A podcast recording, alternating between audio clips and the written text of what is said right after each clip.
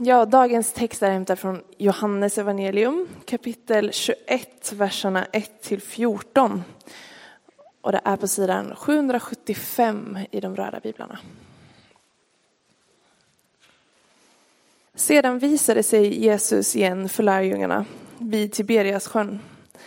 Det gick till så. Simon Petrus och Thomas, som kallades Tvillingen, Natanael från Kana i Galileen, Sebedaios söner och två andra lärjungar var tillsammans. Simon Petrus sa till de andra, jag ger mig ut och fiskar. De sa, vi följer med dig. De gick ut och steg i båten. Men den natten fick de ingenting. När morgonen kom stod Jesus på stranden, men lärjungarna förstod inte att det var han. Och Jesus frågade, mina barn, har ni ingen fisk? De svarade nej. Och han sa, kasta ut nätet på högra sidan om båten så får ni.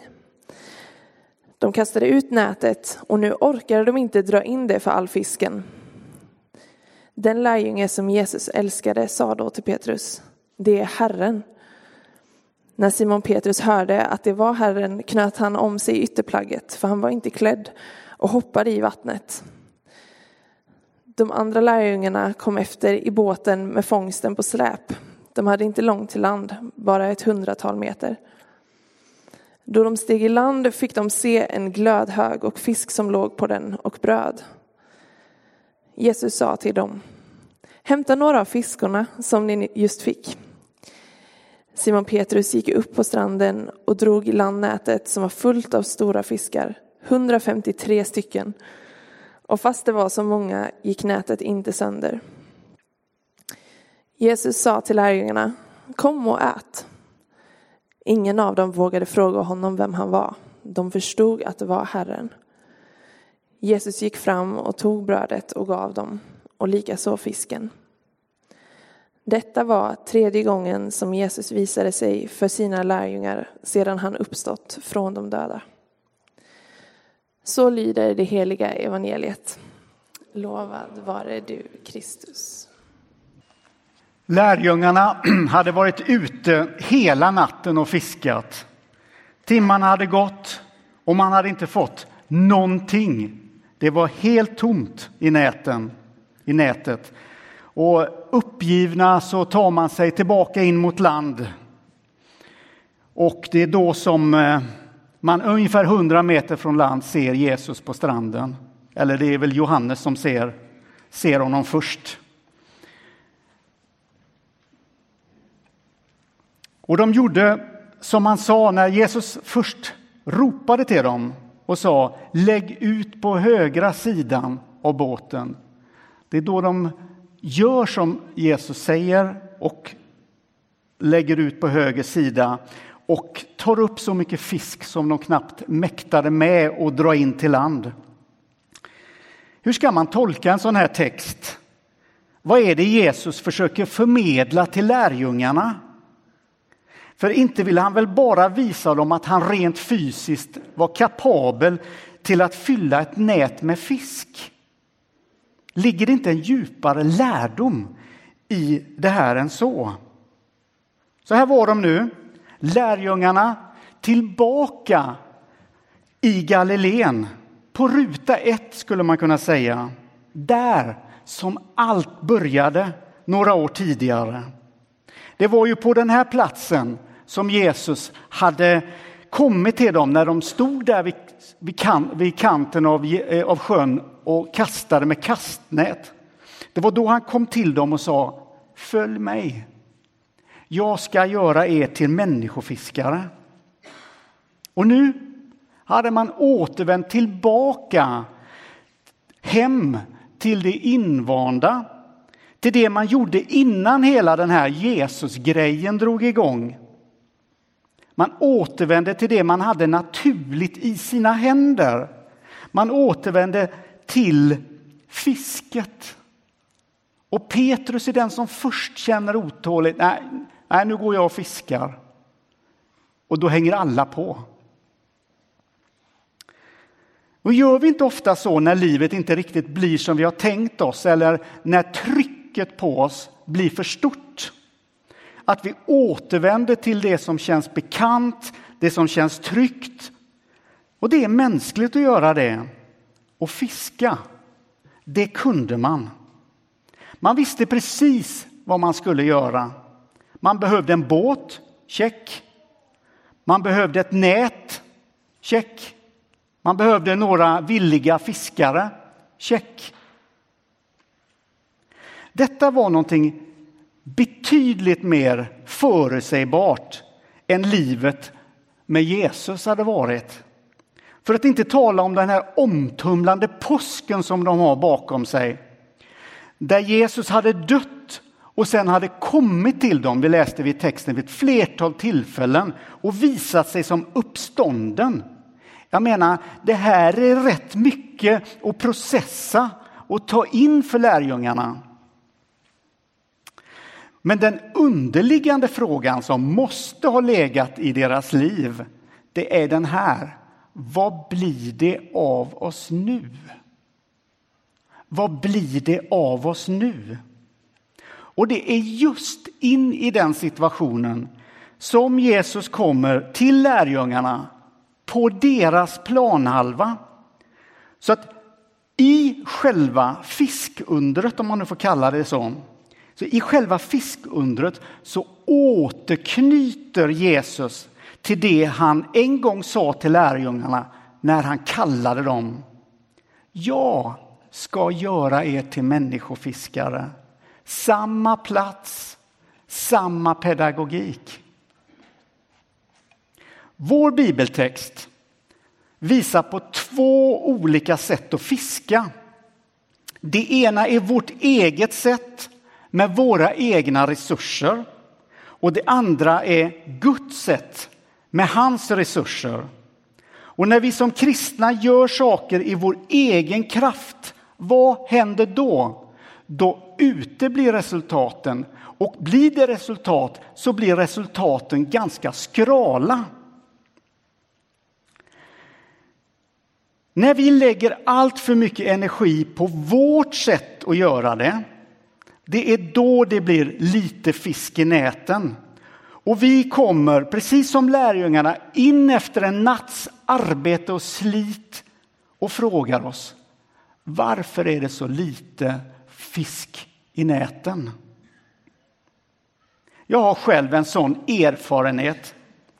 Jag befann mig i Australien, Guldkusten, på Surfers Paradise. Vi var där ett gäng och vi hade till uppgift att berätta för folk som var där om Jesus Kristus. Det är ett ganska flashigt område och hit kom folk för att leva det goda livet. Ett ganska ytligt ställe. Man surfade, man festade, man lärde känna folk, man hade sex, pengar rullade. Men det fanns också en ensamhet där på det här stället. Mitt i det glättiga. Och jag minns hur, jag, hur det låste sig för mig där och då. Och hur jag la allt för mycket med det här med berättandet på mina egna axlar. Jag minns hur svårt jag tyckte det var att knyta an till de här människorna i den här miljön för att berätta vad tron på Jesus kan göra. Alltså, hur skulle evangeliet kunna förflytta sig från min berättelse till en annan människa och bli begripligt?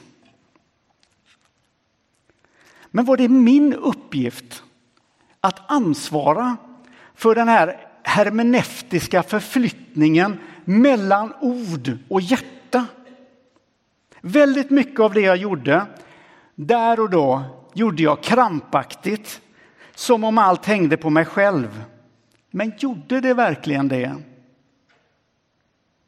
Det var som om jag skulle göra jobbet åt Gud. Och jag minns hur jag gick ner till stranden en kväll och bara satte mig där med, med den här frågan.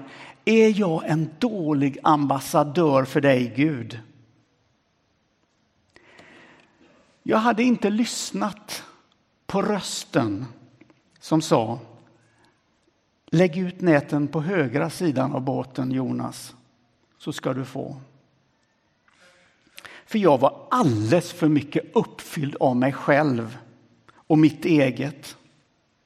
Men det händer väldigt spännande saker med varje kristen som slutar vara uppfylld av sig själv och sitt eget och som börjar lyfta över nätet från den vänstra sidan över till den högra sidan. Någonting nytt börjar hända när man släpper taget om sig själv och slutar att leva i villfarelsen att det egentligen ändå handlar om vad jag klarar av. Vi kan komma till en punkt där vi inte själva längre står i vägen. För vi har slutat att tro att vi är projektägare och istället har vi börjat bli följare av Jesus Kristus. Vi har slutat att konkurrera med Jesus om ledarpositionen. Vi väljer istället följsamhetens väg som ett medvetet val. Vi har sagt oss själva att jag vill vara följsam. Det är först när vi gör det som det kristna livet blir spännande, äventyrligt, på allvar. Vi får följa honom när han, lyssna nu, genom oss låter fler få höra om det fantastiska som har hänt under påsken. Vi får följa honom när han genom oss påverkar förutsättningarna i den här världen på alla plan. Kyrkan har inte checkat ut. Vi är här för att förändra världen. Vi är här för att förändra den här världen. Och då ska vi inte stå i vägen för det, för att vi är så uppfyllda av oss själva.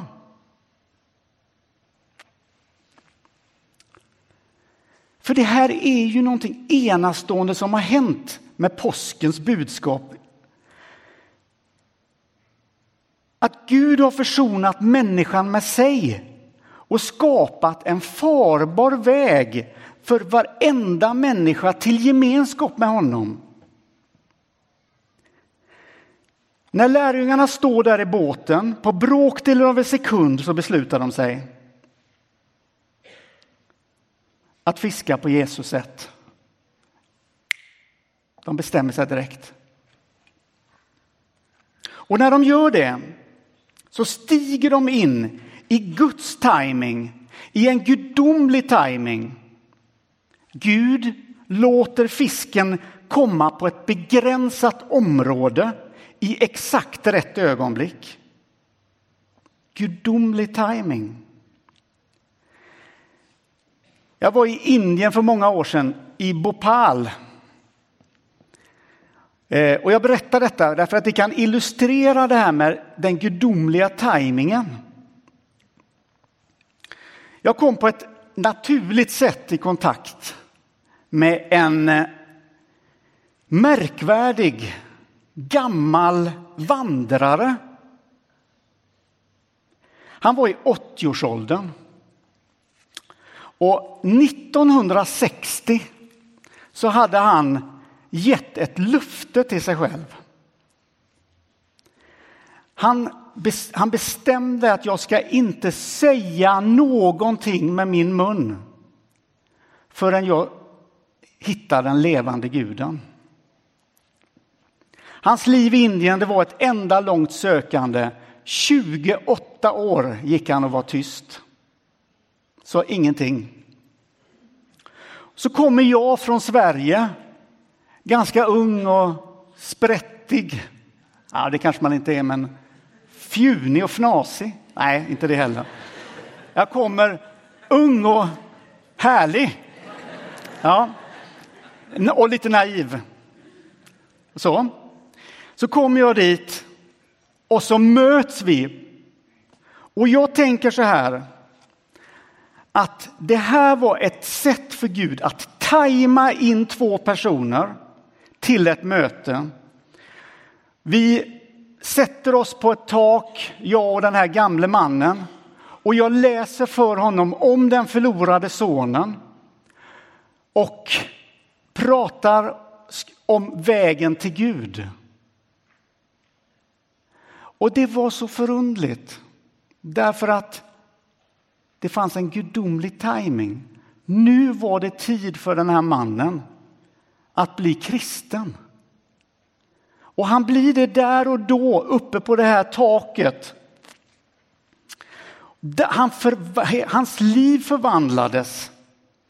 Och när vi skildes åt så skrev han en liten lapp till mig som jag har hemma kvar. Där stod det så här. Nu har jag funnit sanningen.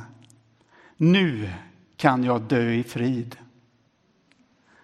Jag tycker det här är en bild om att ibland kan Gud tajma saker på ett förundligt sätt.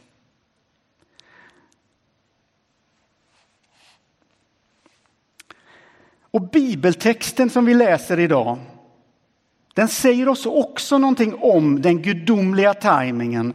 Att den kanske inte ligger så mycket hos lärjungarna som hos Gud själv.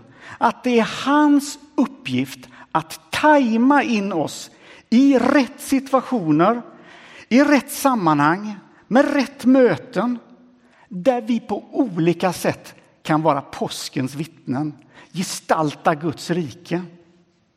Det är väldigt, väldigt spännande det här. Det vi har att göra, du och jag, för att det ska bli möjligt att synka oss med den gudomliga tajmingen.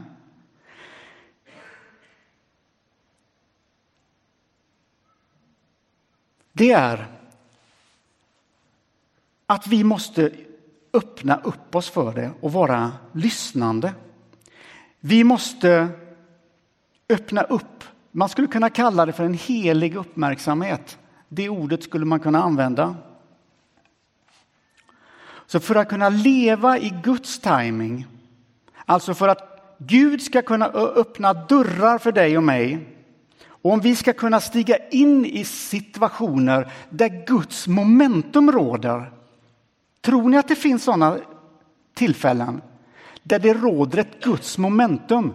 Då vill inte jag vara här borta och, och hålla på. Då vill jag gärna vara uppmärksam så jag kan gå in i Guds momentum. Jag tror att det finns momentum i alla situationer, på arbetsplatser, i relationer, överallt. Guds momentum. En helig uppmärksamhet. Och det är en uppmärksamhet där våra andliga sinnen är aktiva och följsamma. Där vi tränar oss att lyssna efter Guds vägledning. Precis som, Jesus, eh, precis som lärjungarna gjorde. Frågan är idag, vill du gå den här vägen på riktigt? Vill du vara med och förändra världen där du är, där du står? Vill du gå in i, det här, i, den här, i den här processen tillsammans med Gud, in i din framtid? Är du beredd att bryta upp från saker som håller dig tillbaka? Som hindrar dig? Lärjungarna stannade inte där vid Genesarets sjö. De blev inte kvar där. Därför att de reste sig upp och följde sin kallelse. Att dela vidare att det finns hopp för världen genom Jesus Kristus. Och vi är också kallade att vara påskens vittnen. Men vill du gå den här vägen? På riktigt? Vill du att din kristna tro ska levas i hjärnan? Eller vill du leva i Kristus?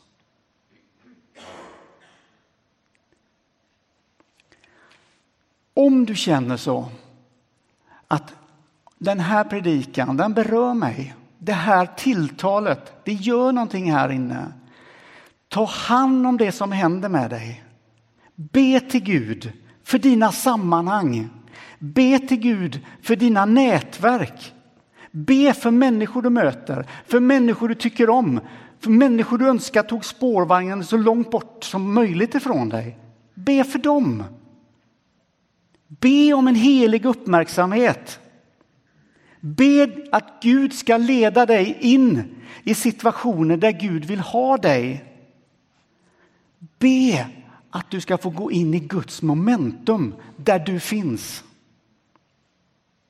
Be om en villighet att leva på ett sådant sätt att andra människor dras in i Guds kärleksplan. Be att du ska få släppa det krampaktiga. Det som jag upplevde där i Australien som en missionerande robot. Stiff och stel. Att du skulle få, få vara det påskens vittne på ett väldigt aktivt men avslappnat sätt. Be att få leva ditt liv där allting i ditt liv säger en och samma sak. Att allt det i ditt liv pekar på Jesus Kristus. Det är så man förändrar världen.